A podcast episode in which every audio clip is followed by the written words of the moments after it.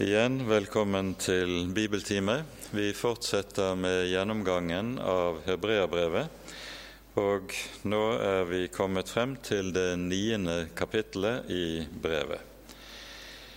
Vi vil neppe rekke mer enn de 14 første versene i brevet i dag, så dette er den teksten vi kommer til å lese innledningsvis.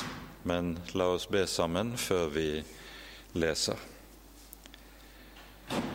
Nå takker og lover vi deg, Herre vår Gud, du trofaste og hellige Far, at vi skal få lov til å høre deg til for Jesus skyld. Takk, Herre, at du i din enbårne Sønn har gitt oss en fullkommen frelse, en fullkommen frihet fra all synd, tilgivelse for all skyld og et fullkomment barnekår hos deg. Takk, Hellige Gud, at i Jesu navn har du ikke spart noen ting, men fylt oss og gitt oss all velsignelse. Nå ber vi, gode Herre, at du vil være hos oss med din Hellige Ånd. Før oss inn i dine ord gi lys i ordet og legge ordet ditt inn i våre hjerter, at vi må kjenne deg rett og få lov til å leve for ditt ansikt inntil vi når målet hjemme hos deg. Herre, forbarm deg over oss. Amen. Vi leser da de 14 første versene i det niende kapittel innledningsvis. I Jesu navn. Nå hadde jo også den første pakt sine forskrifter for gudstjenesten, og den hadde sin jordiske helligdom. For det var reist et telt, det forreste, og i dette var både lysestaken og bordet og skuebrødene. Det blir kalt det hellige. Men bak det annet forheng var det telt som ble kalt det aller helligste, som hadde et røkofferalter av gull og paktens ark som var helt kledd med gull. Den inneholdt en gullkrukke med manna og Arons stav som hadde blomstret, og paktens tavler. Over arken var herlighetens kjeruber som skygget over nådestolen. Om disse ting skal vi nå ikke tale i enkeltheter. Da nå dette er slik innrettet, går prestene alltid inn i det forreste telt når de utfører sin tjeneste. Mine menn i det andre telt går bare ypperstepresten inn én gang om året, og da ikke uten blod som han bærer frem for seg selv og for folkets forseelser. Med dette gir Den hellige ånd til kjenne at veien til helligdommen ennå ikke er blitt åpenbart, så lenge det forreste telt ennå står. Dette er et bilde inntil den nåværende tid. I samsvar med dette blir det så båret frem både gaver og offer, som ikke makter å gjøre den som tjener Gud, fullkommen etter samvittigheten. Sammen med bud om mat og drikke og forskjellig renselsesbad er dette kjødelige forskrifter som er pålagt inntil den tid da alt skulle settes i rette skikk.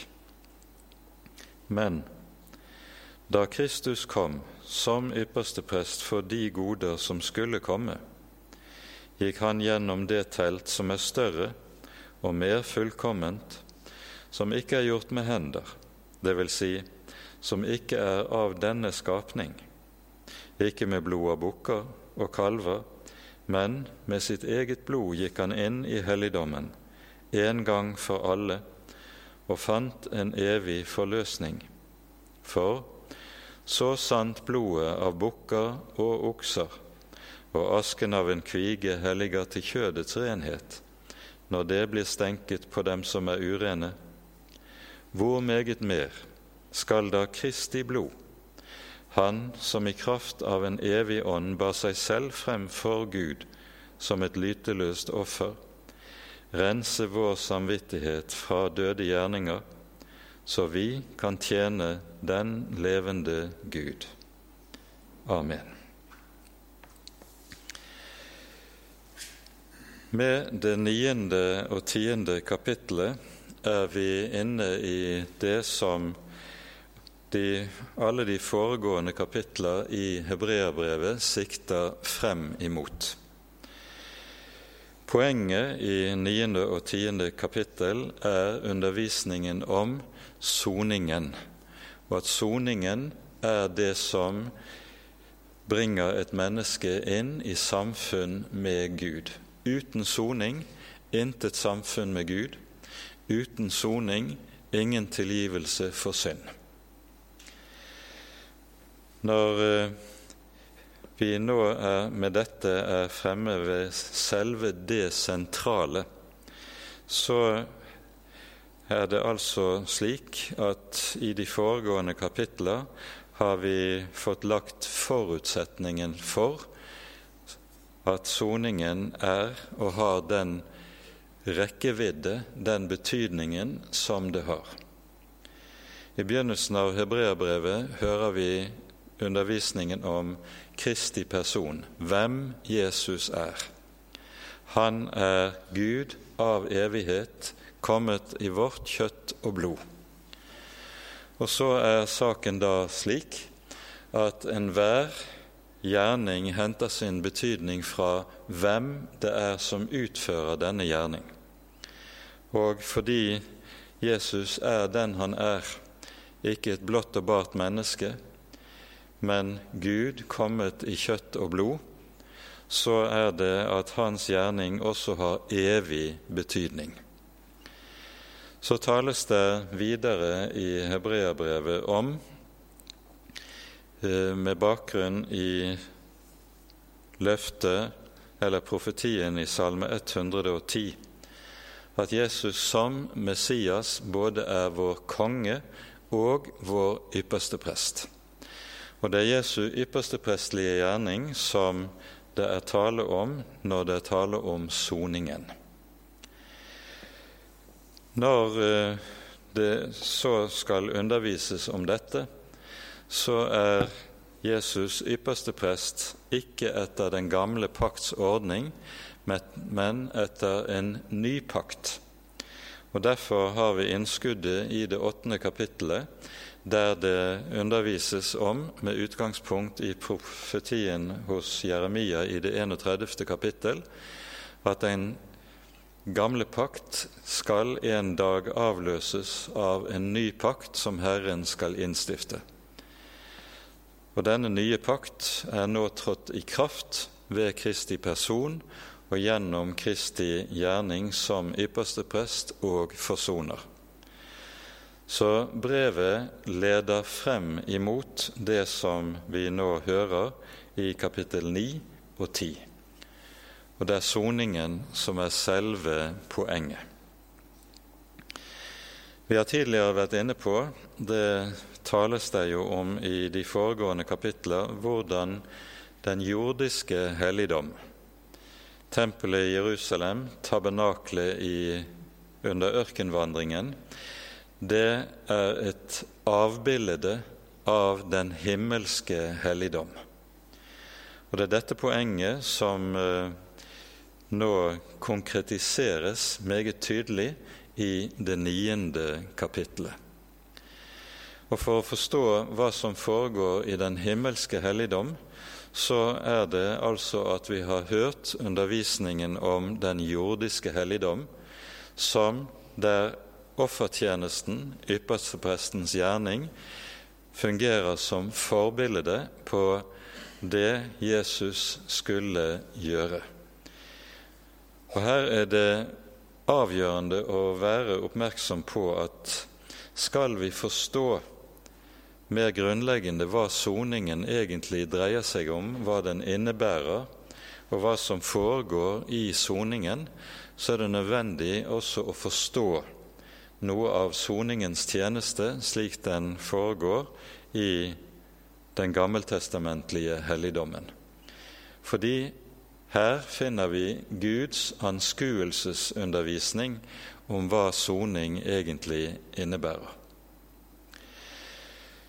Hvis vi skal samle ideen, for å bruke et sånt uttrykk, bak tabernaklet og offertjenesten i en sum, så kan det gjøres ved hjelp av to ord. For det første hellighet, og for det andre soning. Hele tempeltjenesten og tjenesten, offertjenesten i tabernaklet er en anskueliggjøring av hva det vil si at Gud er en hellig Gud. Innredningen av tabernaklet er i seg selv nettopp anskuelsesundervisning om dette og eh, vi hører derfor at i de første fem versene hører, kommer det en påminnelse om hvorledes tabernaklet var innrettet. Kommentarer til hebreabrevet har notert seg at hebreabrevets forfatter overhodet ikke taler om tempelet i Jerusalem. Han begrenser seg til det som sies om tabernaklet, slik vi hører undervisningen om dette i annen Mosebok. Er der vi hører hvordan tabernaklet innredes. Og dernest hører vi om offertjenesten, undervisningen om denne, i tredje og fjerde Mosebok. Dette er fordi hebreerbrevets forfatter eh, meget nøye holder seg til det som sies i Bibelens tekster.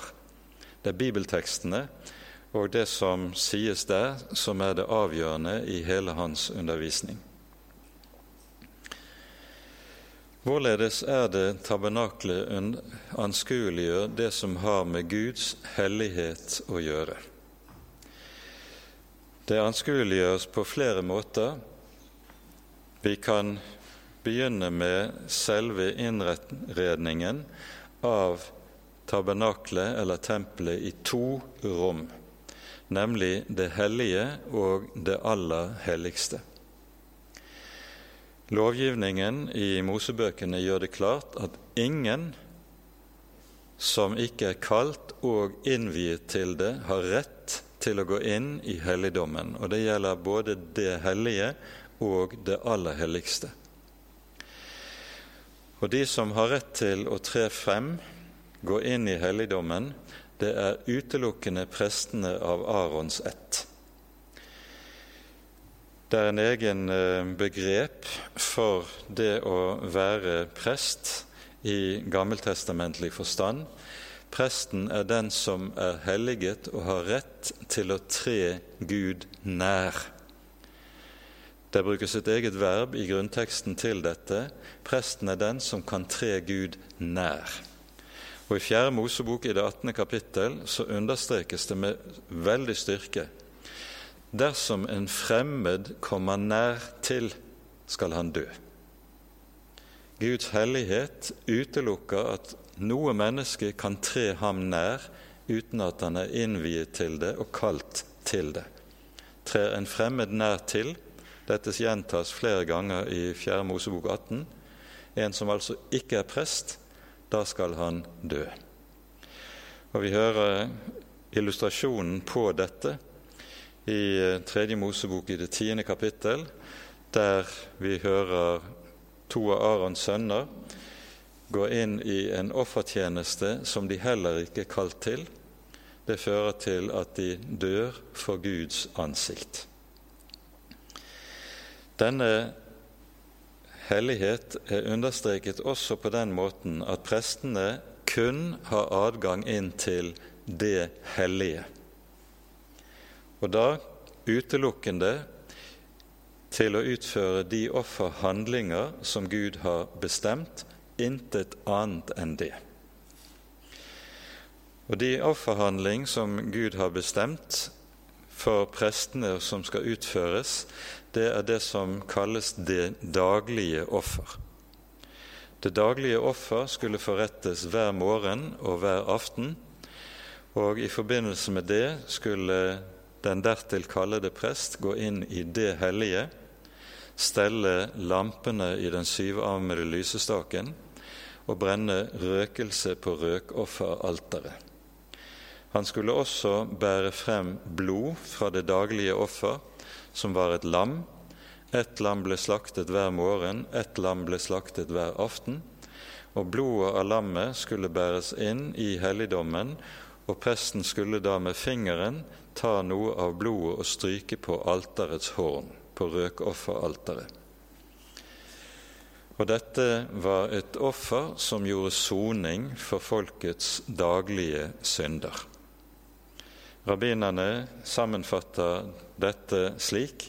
De sier at aftenens offer soner for dagens synder i Guds folk. Morgenens offer det soner for nattens synder i Guds folk. Og slik blir det et stadig offer som går gjennom hele Guds folks liv, som minner om soningens stadige nødvendighet. Synden er en realitet i Guds folk hele veien, og derfor trengs soningen hele veien. Men prestene hadde altså kun lov til å gå inn i det hellige. I det aller helligste var det kun én som hadde adgang, det var ypperstepresten og han hadde kun lov til å tre inn i det aller helligste én dag i året, nemlig på den store forsoningsdagen. Undervisningen om det finner vi i Tredje Mosebok i det 16. kapittel, og vi har ikke tid til å gå inn på det i detalj. Men hebreerbrevet understreker da at når ypperstepresten på den store forsoningsdagen skal inn i det aller helligste, så går han inn i det aller helligste fire ganger. De to første gangene han går inn i det aller helligste, så går han inn med offer for sine egne synder. Han er selv en synder like som hvert annet menneske i Israels folk, og derfor, hvis han skal utføre tjeneste, så må han selv være renset, renset for synd, før han kan gå inn i tjenesten som stedfortreder for Guds folk. Lovgivningen for eh, den store forsoningsdagen er meget omfattende. Men det særlige offer som hørte til den store forsoningsdagen, det hadde det med seg at eh, ypperstepresten, da når han skulle ofre de særlige ofrene for folkets synder, da skulle han kle av seg sin særlige embetsdrakt. Embetsdrakten til ypperstepresten ble kalt for Hans herlighet. Eh, og når han ble avkledd denne særlige drakt og så skulle tre inn i helligdommen uten sin herlighet, så er dette et forbilde på det som sies om Messias i Jesaja-bokens 53. kapittel, når det tales om hans sonende gjerning. Han hadde ingen skikkelse og ingen herlighet. Dette som et bakteppe for å illustrere dette. Ypperstepresten skulle altså gå inn i det aller helligste fire ganger på den store forsoningsdagen. De to første gangene hadde det om offer for hans egen del og for hans egen synd å gjøre. Første gang han trer inn i, det aller helligste, er det med røkelseskar. Han bærer frem et røkelseskar av gull og røkelsen skal være så tett at den skjuler nådestolen, så han ikke kan se Herrens herlighet. Deretter ofres offeret for ham ute i forgården. Han bærer blodet av offeret inn i det aller helligste til soning for sine egne synder. Og først når det er gjort, så er det han går ut igjen i forgården og offeret for folkets synder skal bæres frem. Han går da, etter at lammet eller bukken er slaktet, inn i det aller helligste en tredje gang, på ny, med røkelse, og da symboliserer røkelsen bønnen for alt folket.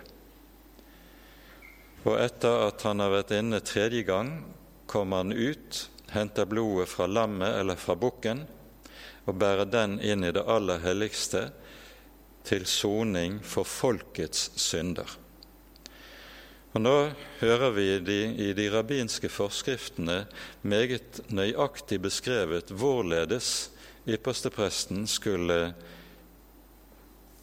behandle blodet inne i helligdommen.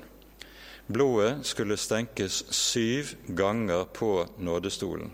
Det er enkelte forfattere som sier at ypperstepresten skulle stryke med blodet med fingeren på nådestolen. Det er ikke riktig.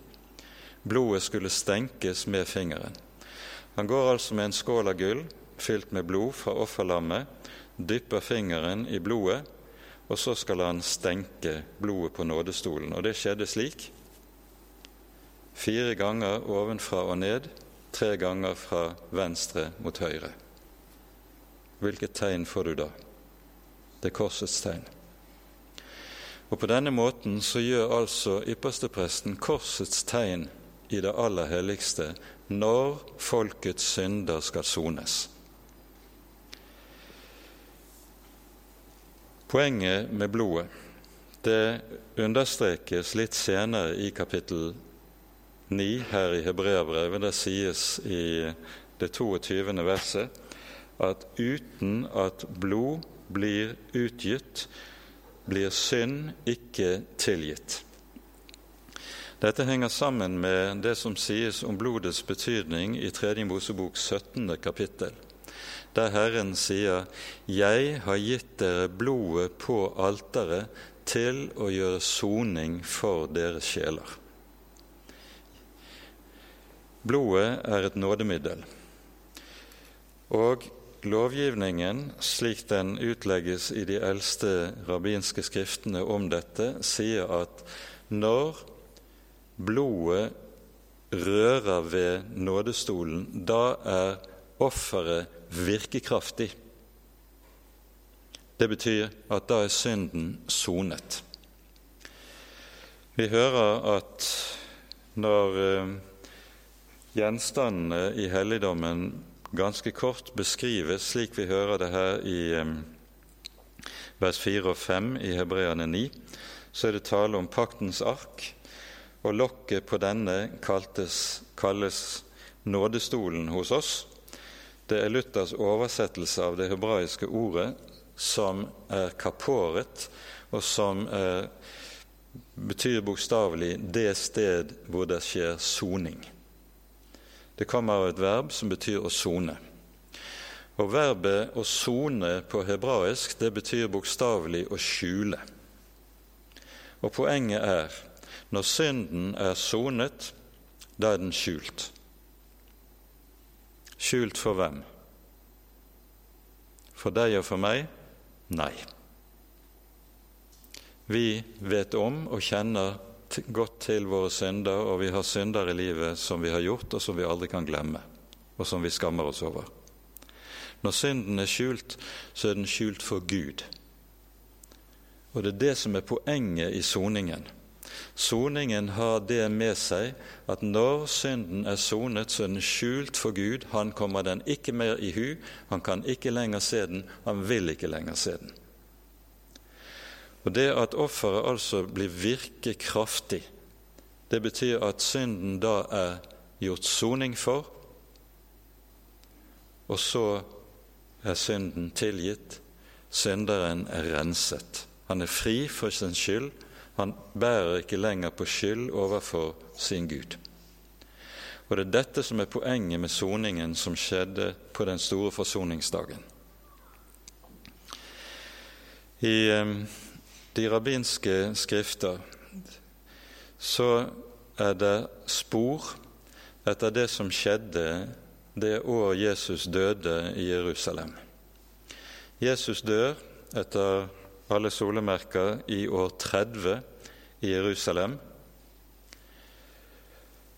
Um, og dette skjer jo i påsken. I den syvende måned samme året markeres den store forsoningsdagen i tempelet i Jerusalem. Og Rabbinerne forteller to ting om noe særlig som skjedde dette året i Jerusalem på den store forsoningsdagen. For det første sier de at dørene i tempelet åpnet seg av seg selv. Vi minnes det som sies i evangeliene om at da Jesus utåndet på korset, revnet forhenget i tempelet, det som skilte mellom det hellige og det aller helligste, det revnet i to. Det står fra ovenfra og ned. Det er like som en mektig arm som river det hele fra hverandre ovenfra og ned. Dette ble iakttatt, for det var ikke bare forhenget som revnet, men tempelets dører åpnet seg av seg selv, slik at adgangen inn til det aller helligste ikke lenger var stengt. Og betydningen av at forhenget revnet, det ligger i symbolikken i forhenget. For på forhenget i tempelet så var det vevet inn to store kjeruber. Hva var kjerubene? Kjerubene var de engleskapninger som Gud hadde satt utenfor inngangen til Edens hage for å hindre at det falne mennesket vendte tilbake til Edens hage. Veien til livets tre var stengt. På grunn av menneskets synd og på grunn av Guds hellighet er adgangen til helligdommen adgangen til Gud, adgangen til himmelen, den er stengt. Og den ble stengt av kirubene, som så å si våker over det hellige. Når forhenget i tempelet revner, så sies det da den vei som ble stengt ved syndefallet, den er nå åpnet. Dørene er åpnet, og dette er poenget senere i kapittel 10. Vi kommer til det når vi når til den teksten. Da Jesus lider døden på korset, så åpner han ved sitt blod en ny og levende vei inn i helligdommen. Det er det ene poenget. Det andre som rabbinerne kan fortelle om skjedde, og det skjer på den store forsoningsdagen Eh, dette året når Jesus dør. Der skriver de at i det året mistet offeret sin kraft. De iakttar med andre ord at fra det året av så har offeret på den store forsoningsdagen ikke lenger noen sonende betydning eller sonende kraft. Hvorledes er det de kan skrive noe slikt? Det har bakgrunn i en bestemt skikk i det som foregikk på forsoningsdagen. Offeret for folkets synder var to bukker. Den ene av disse bukkene skulle slaktes, og blodet bæres inn i det aller helligste, slik vi har beskrevet. Den andre bukken skulle ledes ut i ørkenen til Asasel, står det i teksten. Man vet egentlig ikke hva Asasel betyr, så det er noe av et mysterium. Man tror det betyr til tilintetgjørelse, men man vet det ikke med sikkerhet. Det ble kastet lodd om disse to bukkene, hvilken som skulle slaktes, og hvilken som skulle fødes ut i ødemarken. Den som skulle føde, føres ut i ødemarken, den fikk bundet en purpurrød snor om hornene.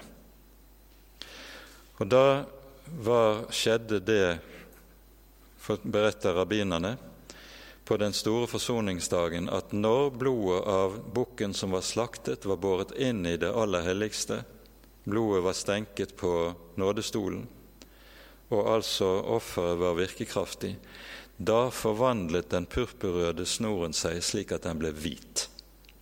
Og Dette er med bakgrunn i ordene i Jesaja kapittel 1 om deres synder er røde som purpur, skal de bli hvite som sne. Snoren ble hvit når den første bukken var slaktet og ofret. Men i det år Jesus dør i påskehøytiden, så skjer ikke denne forvandling av snoren. Og så sier rabbinerne dette året mistet offeret på den store forsoningsdagen sin kraft. Det hadde nemlig ikke lenger noen betydning, for nå var det båret frem et evig offer som har evig gyldighet, og dermed så var den gamle pakts offer ikke lenger nødvendige og hadde ingen, ikke lenger noen betydning eller effekt. Vi forstår helligheten nødvendiggjør soning. Det er disse to ting som henger uløselig sammen i undervisningen i forbindelse med helligdommen i Det gamle testamentet. Og det er dette som altså anvendes og utlegges i hebreerbrevet, sånn som vi har hørt det. Og vi går nå tilbake til teksten. Vi hører i, først i vers 6.: Da nå alt dette er slik innrettet, går prestene alltid inn i det forreste telt når de utfører sin tjeneste. Dette taler om det vi var inne på som kalles for det daglige offer, der prestene går inn i det hellige, ikke det aller helligste. Men, legges det til så i vers 7, i det annet telt går ypperstepresten inn én gang om året, og da ikke uten blod, som han bærer frem for seg selv og for folkets forseelser. Meget kortfattet beskrives altså det som foregår på den store forsoningsdagen i dette ene verset. Og så kommer det. Med dette gir Den hellige ånd til kjenne at veien til helligdommen enda ikke er blitt åpenbart så lenge det forreste telt står dette er et bilde inntil den nåværende tid. I samsvar med dette ble det så båret frem gaver og offer som ikke makter å gjøre den som tjener Gud, fullkommen etter samvittigheten. Men sammen med bud om mat, drikke og forskjellige renselsesbad er dette kjødelige forskrifter som er pålagt inntil den tid da alt skulle, kom, da alt skulle settes i rette skikk eller i rette orden, som det også kan oversettes. Det det sikter til i det siste verset, det er at i tillegg til at det gjør soning for synd i helligdommen, så er det også krav om renhet som er knyttet til adgangen inn til helligdommen i den gamle pakts tid.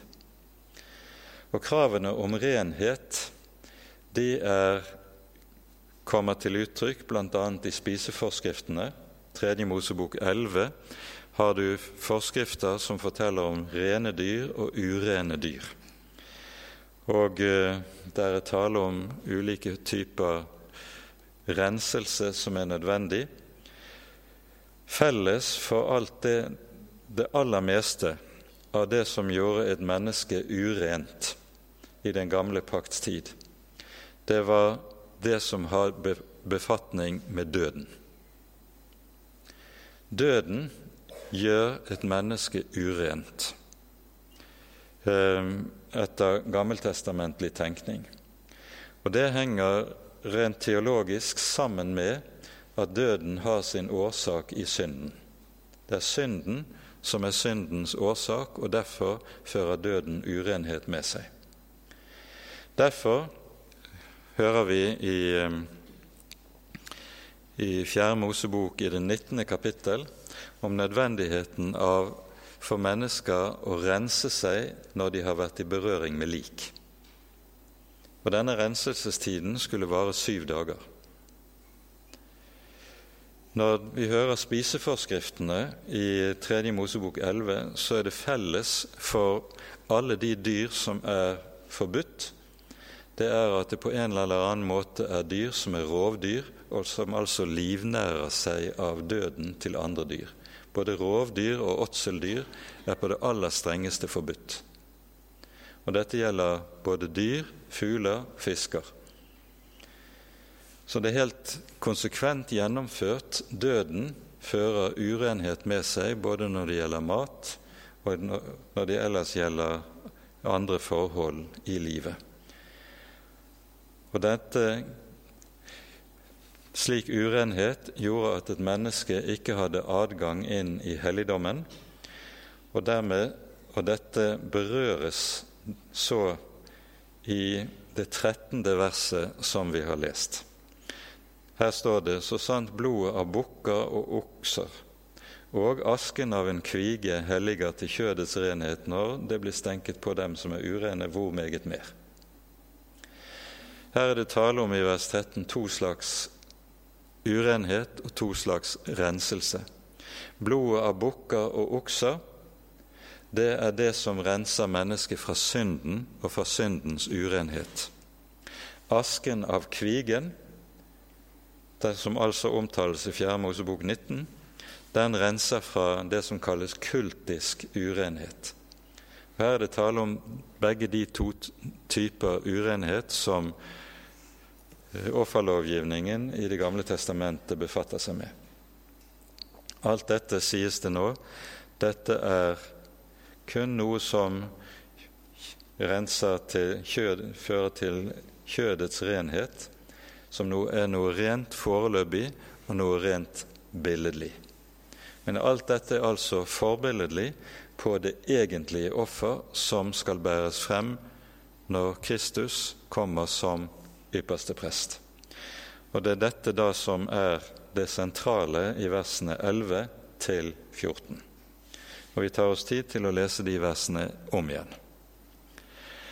Da Kristus kom som ypperste prest for de goder som skulle komme, gikk han gjennom det telt som er større og mer fullkomment, og som ikke er gjort med hender, det vil si, som ikke er av denne skapning, ikke med blod av bukker og kalver, men med sitt eget blod gikk han inn i helligdommen en gang for alle og fant en evig forløsning. For så sant blodet av bukker og okser og asken av en kvige helliger til kjødets renhet, når det stenkes på dem som er urene, hvor meget mer skal da Kristi blod, han som i kraft av en evig ånd bar seg selv frem for Gud som et lyteløst offer, rense vår samvittighet fra døde gjerninger, så vi kan tjene den levende Gud. I vers 11 sies det at Jesus som ypperste prest for de kommende goder gikk gjennom det større og mer fullkomne telt. Han gikk gjennom himlene. Det å gå yppersteprestens gang i det aller helligste er forbildet på at Jesus går inn i det aller helligste i himmelen, der Guds trone står, som ypperste prest og med sitt eget blod. Det er Jesu gang inn i himmelen som, som er soningens poeng. For når det handler om soning, så er det jo slik at det er den som er forurettet, som skal forsones. Og i soningen er det altså Gud som forsones, fordi Gud er den som er forurettet av din og min synd. Og Dette er et helt avgjørende perspektiv på synden slik Bibelen taler om den. Synd er det at Gud personlig forurettes av dine og mine handlinger. Og Derfor er det også Gud som må forsones, og det er det som skjer i soningen. Og Derfor er det altså at Jesus trer frem som ypperste prest med sitt eget blod, går inn for Guds trone med sitt eget blod og bringer en evig forløsning. Så sies det i vers 12 ikke med blod av bukker og kalver, men med sitt eget blod. Gikk han inn i helligdommen én gang for alle. Det som skjedde på den store forsoningsdagen én gang i året, det er et forbilde på at når Messias kommer, så skal det bæres frem et offer som gjøres én gang, og det gjelder for alle tider og for alle evigheter. En gang, sies det for alle, finner han en evig forløsning. Det vil si det er en forløsning, en frelse, som bærer gjennom alle evigheter, og som altså gir evig liv. Evig liv, det er uløselig avhengig av denne soning. Intet menneske har evig liv uten at det er gjort soning for synd. Uten Jesu død, uten Jesu blod. Så sant blodet av bukker og okser og asken av en kvige helliger til kjødets renhet, når det stenkes på den som er uren, hvor meget mer skal da Kristi blod, som i kraft av en evig ånd bar seg selv frem for Gud, som et lyteløst offer rense vår samvittighet. Vi skal legge merke til at når Det nye testamentet taler om Jesu gjerning til vår frelse, så taler den Det nye testamentet meget, meget oftere om blodet enn om korset. Det er blodet nemlig som har denne sonende betydning. Og Hvorfor har blodet denne sonende betydning? Det henger sammen med hvem det er som utgyter sitt blod. Og Dette sies veldig uttrykkelig i apostelgjerningene i kapittel 20, i Paulus' avskjedstale til de eldste i Efesos. Her sies det i det 28. verset i en formaning til de eldste i Efesos.: Gi deg akt på dere selv og hele den jord som Den hellige ånd har satt dere som tilsynsmenn for, for at dere skulle vokte Guds menighet, som Han vant seg ved sitt eget blod. Legg merke til det uttrykket. Her er det tale om Guds blod. For det er Guds blod fordi Han som lider døden på korset, er Gud og menneske. Så er det Guds blod. Og fordi det er dette blod, så har det også den veldige betydning og den veldige kraft det har nemlig en kraft til å sone, til å utslette og sørge for tilgivelse for all synd som er gjort her i verden fra Adams dager og frem til Jesus kommer tilbake. All synd dekkes av dette blod, uten unntak. Og Derfor er det også slik at om et menneske går fortapt, så går det ikke fortapt av sine synder, men det går fortapt fordi det avviser og forkaster Jesu kjærlighetsgjerning, Jesu død, at det er noe som gjelder for meg. Derfor sier Skriften også tydelig at den som ikke vil tro Guds sønn, over ham blir Guds vrede. For det å forkaste Jesu død for vår skyld, det er å forkaste selve Guds kjærlighet og selve Guds kjærlighetsåpenbaring overfor oss. Og forkaster du Guds kjærlighet, da står du kun igjen med Guds vrede. Her er det et enten-eller. Det blod som renner på korset, er Guds blod, sier apostelen Paulus. Det er ingen annen, intet mindre, som rinner der på korset. Og Derfor er det Paulus skriver om hvem Jesus er, i det første kapittelet, helt avgjørende når det gjelder betydningen av Kristi død på Golgata.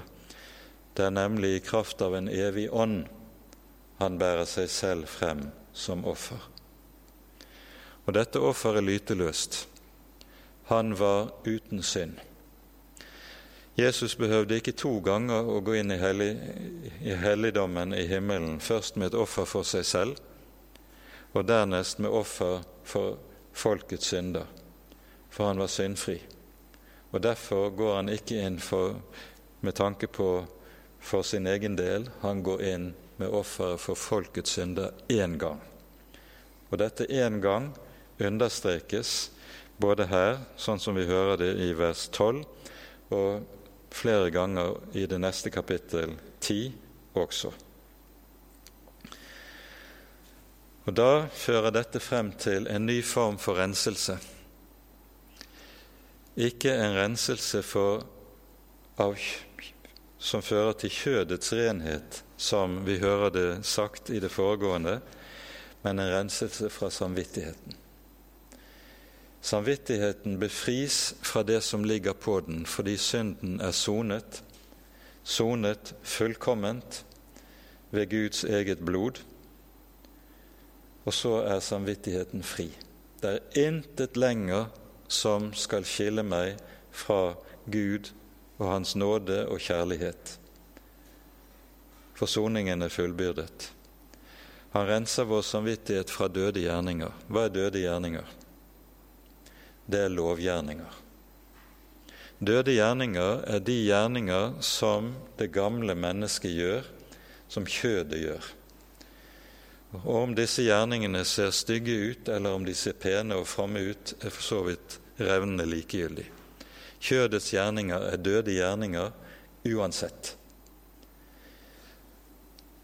Og det Kristi blod renser oss fra, det er alt det som kjødet, det gamle mennesket, bærer på, enten det er gode eller onde gjerninger. For i Guds øyne er det også de gode gjerninger som det gamle mennesket gjør, synd. Dette er et perspektiv som er fremmed for de aller fleste i våre dager, men her er Bibelen helt entydig når den taler om denne sak. Det gamle menneskets gjerninger er døde gjerninger. Dette befris vi fra. Og når samvittigheten renses ved Kristi blod, og troen skapes ved ordet om forsoningen, da fødes også det nye mennesket. Og det nye menneskets gjerninger, de er levende gjerninger. Det er ikke døde gjerninger. Og dette er et, Her står vi overfor et enten-eller. Og Derfor er det altså det sies i dette ved dette blod renses vår samvittighet fra døde gjerninger til å tjene den levende Gud, nemlig det skapes et nytt menneske som gjør levende gjerninger, ikke lenger døde gjerninger.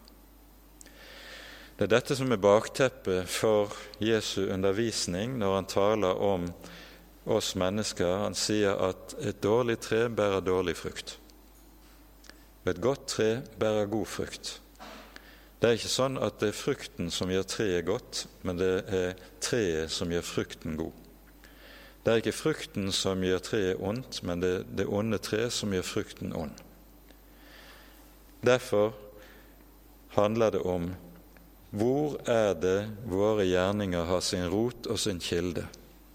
I det gamle mennesket i kjødet eller i det nye mennesket som er født av Ånden?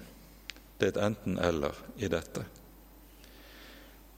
Svarende til dette er det at Paulus også kan skrive at alt som ikke er av tro, er synd. Det samme sak han prinsipielt understreker med dette. Dette er for så vidt tema for en egen time i seg selv, akkurat denne saken her. Vi kan ikke gå videre på det nå. Men vi forstår med det vi har vært igjennom nå i kveld at det som hele den gammeltestamentlige tjeneste og helligdom peker frem imot, det er dette offer som gjør soning for all synd, som kan rense samvittigheten og gi samvittigheten fred, som åpner adgangen til Gud og gjør deg til et Guds barn og som åpner evigheten for deg, slik at du ikke behøver å være redd, verken for døden eller for å møte din dommer etter døden. Blodet renser deg så du er fri for all frykt i møte med slikt. Blodet er tilstrekkelig. Og Derfor er det også sånn at når apostelen Johannes i åpenbaringsboken får skue inn i fullkommenheten i himmelen, hva får han se? Sentrum i himmelen er et lam som står der like som slaktet. Lammet som ble slaktet, som ga sin, sitt blod for vår skyld, det er sentrum i himmelen. For lammet og lovsangen for dette lam er det som står der til evig tid. Og så er den kristne menighet en menighet som består av de som samles om lammet, i takk for hva lammet ga og var villig til å ofre for at vi skulle bli frie. Det er dette som hebreabrevet dreier seg om i disse kapitlene. Hvor dyrebar din miskunnhet er, Gud. Det vi skal lære oss å se som kristne, det er hva vår frelse har kostet. Den har kostet Gud usigelig mye mer enn vi er i stand til å forstå og gripe. Og Det er disse omkostningene som beskrives for oss når det taler om soningen, om hvem det er som utfører denne soning, ved å gi seg selv, ofre seg selv, i ditt og i mitt sted. Med det setter vi punktum for kveldens bibeltime. Ære være Faderen og Sønnen og Den hellige ånd, som var og er og være skal, en sann Gud, høylovet i evighet. Amen. La oss sammen be Herrens bønn. Vår Far i himmelen. La navnet ditt helliges. La riket ditt komme. La viljen din skje på jorden slik som i himmelen. Gi oss i dag vårt daglige brød, og tilgi oss vår skyld, slik også vi tilgir våre skyldnere. Og led oss ikke inn i fristelse, men frels oss fra det onde. For riket er ditt, og makten og æren i evighet. Amen. Ta imot Herrens velsignelse.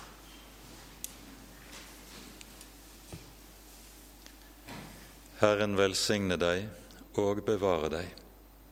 Herren la sitt ansikt lyse over deg og være deg nådig. Herren løfte sitt åsyn på deg og gi deg fred. Amen. Med det sier vi takk for i kveld. Vel hjem, og velkommen til neste bibeltime om to uker. Det blir 22. mars.